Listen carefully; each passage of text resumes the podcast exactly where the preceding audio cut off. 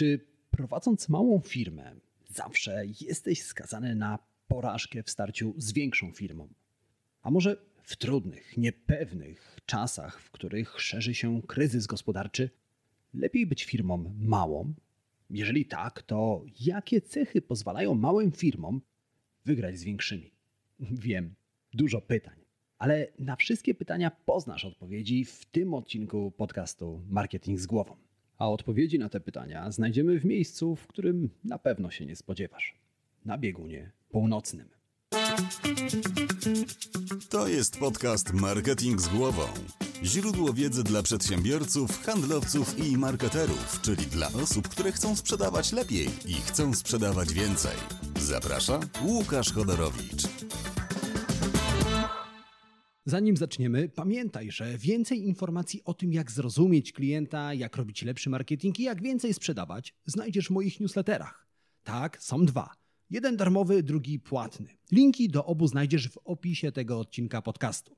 Zerknij, poczytaj i dołącz do tysięcy przedsiębiorców, marketerów i handlowców, którzy co tydzień dostają zastrzyk wiedzy, dzięki której ich firmy rosną jak na drożdżach. Witam Cię w 80. odcinku podcastu Marketing z Głową. W podcaście, w którym zaglądam do głów Twoich klientów i szukam odpowiedzi na pytanie, jak klienci kupują. Dlaczego to robię? Ponieważ dzięki temu, co tam znajdę, pomagam Ci robić lepszy marketing i pokazuję, jak możesz lepiej sprzedawać swoje produkty i usługi. A wiedza, którą w tym podcaście dzielę się z Tobą za darmo, pochodzi z badań na temat marketingu, badań na temat psychologii i mojego doświadczenia w pracy z firmami takimi jak Twoja. W 1910 roku dwie ekspedycje z Wielkiej Brytanii i z Norwegii wyruszają, aby zdobyć biegun północny.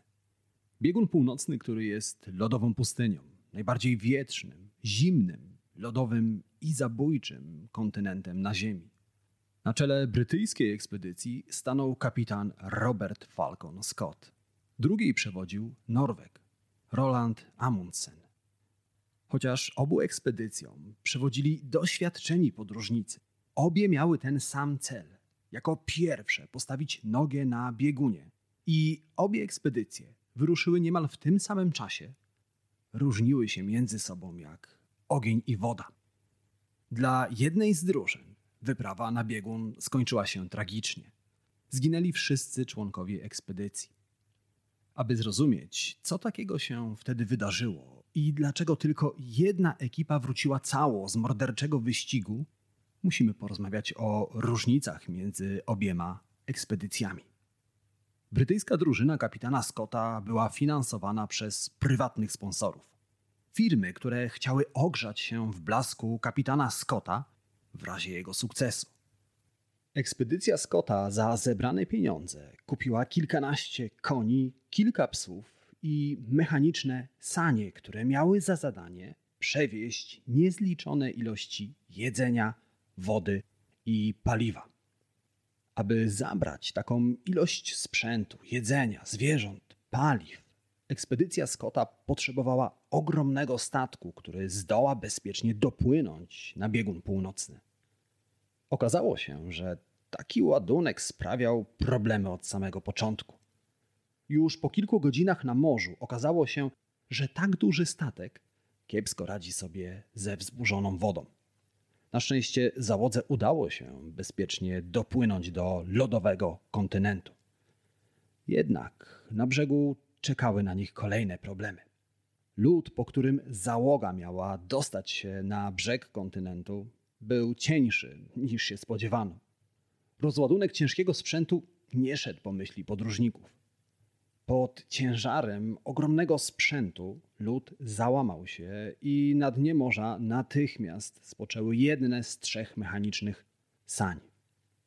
Na szczęście Scott stracił tylko jedne sanie. Nadal miał psy, konie i dwa pozostałe pojazdy, które miały zapewnić bezpieczną podróż na biegun. Niestety, szybko okazało się, że konie, które świetnie sprawdzają się jako zwierzęta pociągowe na ulicach Londynu, kiepsko radzą sobie w ekstremalnie niskich temperaturach. Brnęły do przodu powoli, co jakiś czas zatrzymując się w głębokim śniegu. Mróz był równie bezwzględny dla mechanicznych sań, które pod wpływem lodu i temperatury zepsuły się kilka dni po zejściu na ląd. W drużynie Scotta nie było mechaników, którzy poradziliby sobie z usterkami, więc podróżnicy musieli porzucić sanie i przesiąść się na psie zaprzęgi. Jednak, aby nie przeładowywać statku obciążonego ciężarem mechanicznych sań, załoga Scotta zabrała ze sobą tylko kilka psów. Zbyt mało, aby zwierzęta pociągnęły wszystkich ludzi. Dlatego psi zaprzęg poruszał się jeszcze wolniej niż konie i musiał robić częste przystanki, aby psy mogły odpocząć. I wydaje się, że to był ten moment, w którym kapitan Scott zaczął zdawać sobie sprawę, że nie uda mu się dotrzeć na biegun przed norweskim rywalem. Jednak jeszcze wtedy nie zdawał sobie sprawy z tego, że ta wyprawa będzie jego ostatnią. A teraz przyjrzyjmy się drużynie Rolanda Amundsena, która w odróżnieniu od Brytyjczyków nie była tak dobrze sfinansowana. Pieniądze na wyprawę pochodziły ze skromnego w tamtych latach państwowego budżetu.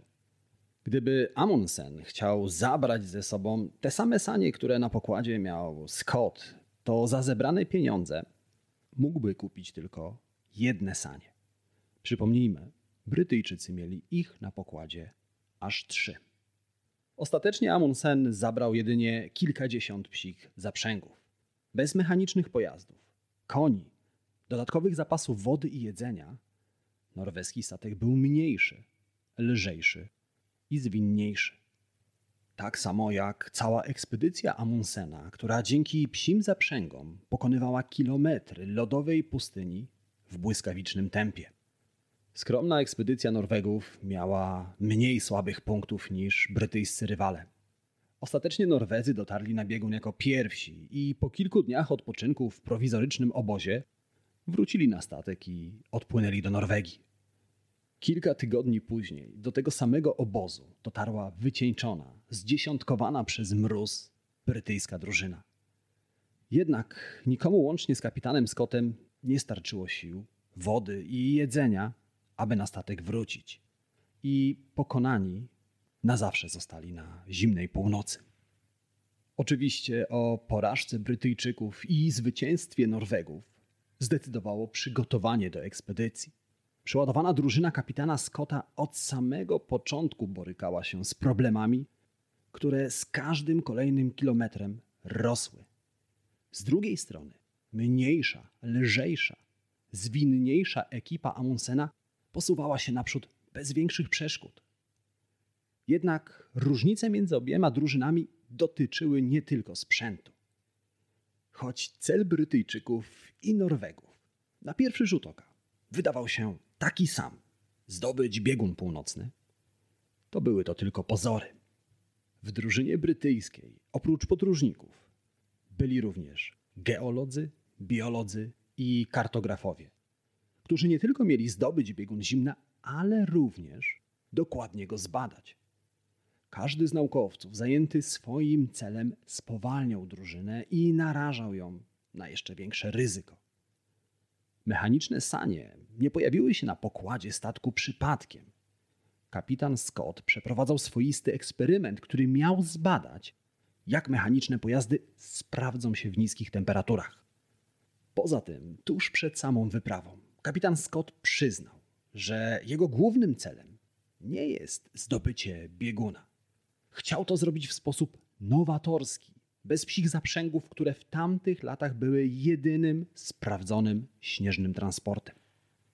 Rozdarty między tak wieloma, ekstremalnie trudnymi zadaniami, kapitan Scott stracił z pola widzenia cel, który mógłby uratować życie jemu i całej załodze.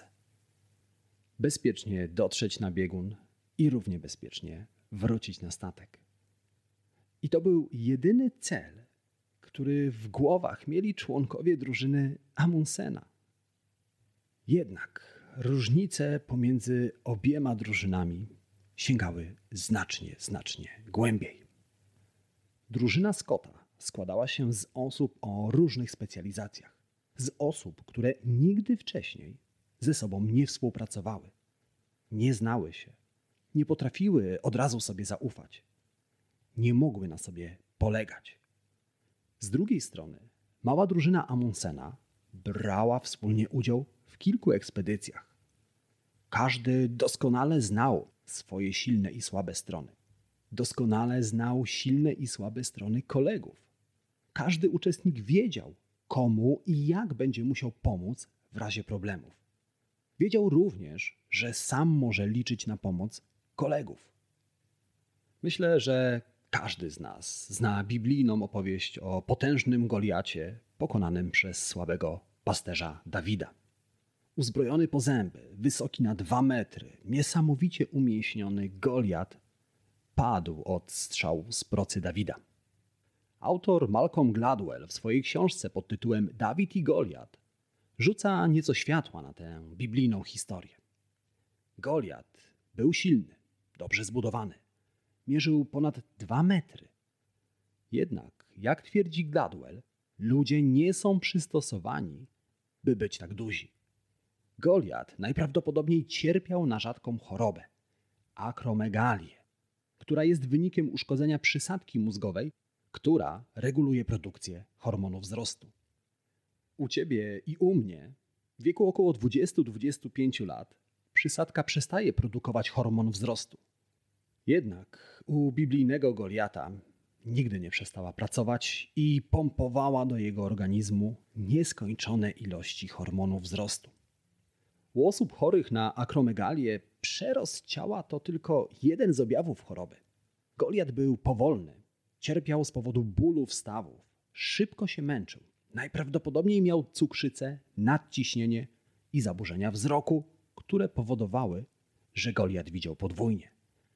W rezultacie, nim Goliat zauważył, że Dawid wyciągnął proce, było już za późno. Nie zdążył się schylić, a wystrzelony z procy kamień powalił go na miejscu. Gladwell tłumaczy również, że Dawid nie był zwykłym pasterzem. Był wyborowym strzelcem, który przez lata doskonalił umiejętność posługiwania się jednym tylko narzędziem procą, która w jego rękach stawała się zabójczą bronią. W historii o obu ekspedycjach drużyna kapitana Scotta jest oczywiście Goliatem, drużyna Amundsena Dawidem.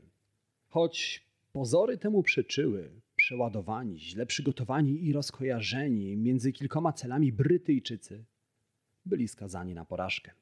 Z kolei ekspedycja Norwegów była jak Dawid, była mniejsza, zwinniejsza, wyspecjalizowana tylko w jednej rzeczy dotrzeć bezpiecznie na biegun i z powrotem. Na ogół sądzimy, że w życiu i w biznesie lepiej być potężnym Goliatem, firmą, która obsługuje setki klientów, ma tysiące zamówień. Sądzimy, że takie firmy z łatwością pokonają niewielką, kilkuosobową konkurencję. Jednak nie zawsze tak jest. O ile prowadzenie dużej firmy ma pewne zalety, o tyle w niektórych sytuacjach ma więcej wad.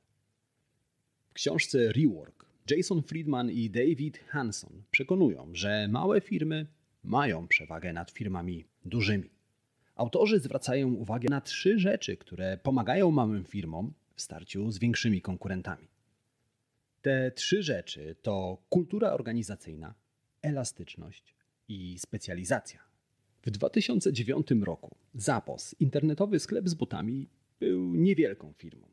Właściciel internetowego giganta Amazona, Jeff Bezos, kupił wówczas Zapos za miliard dolarów.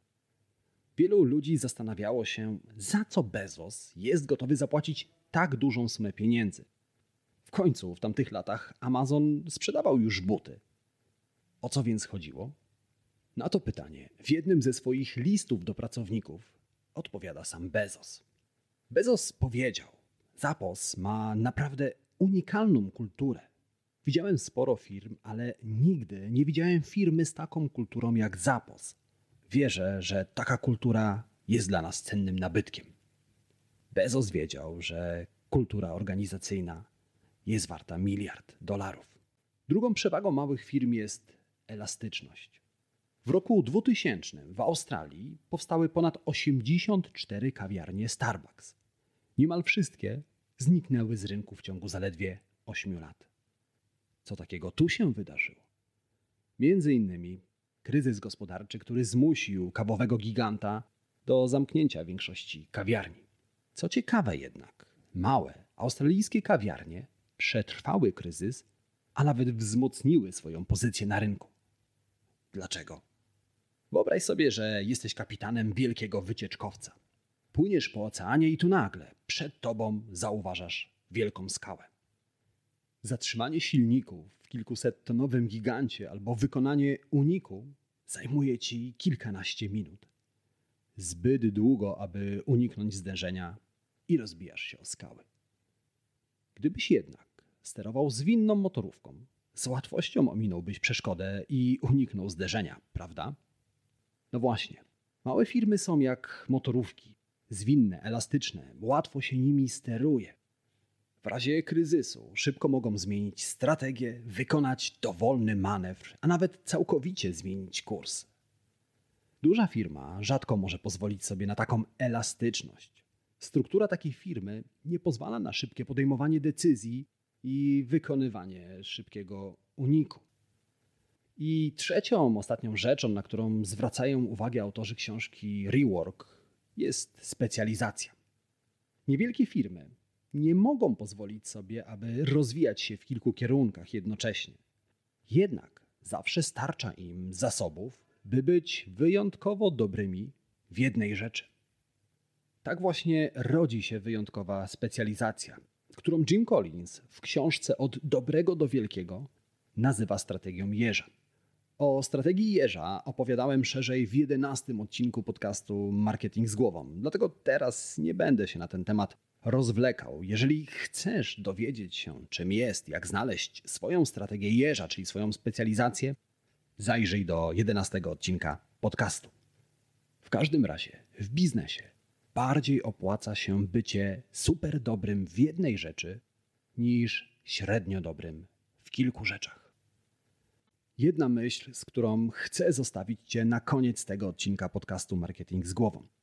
Pamiętaj, że duże firmy nie zawsze mają przewagę nad mniejszymi, szczególnie w niepewnych czasach, gdy za oknem szaleje sztorm inflacji, ceny rosną, a klienci uciekają Często lepiej być małą firmą, która jest elastyczna, zwrotna i szybko zmienia kurs. I w ten oto sposób dolecieliśmy do końca dzisiejszego odcinka. Oczywiście mam dla Ciebie trzy rzeczy, które warto wynotować. Natomiast zanim Ci je zdradzę, dwie szybkie prośby. Jeżeli tak się składa, że właśnie w tym momencie słuchasz mnie w Apple Podcast albo w Spotify, nie zapomnij zostawić recenzji pod podcastem Marketing z głową.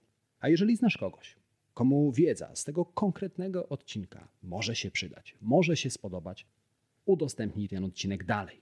Możesz to zrobić na Facebooku, na Messengerze, w mailu, jakikolwiek sposób będzie świetny.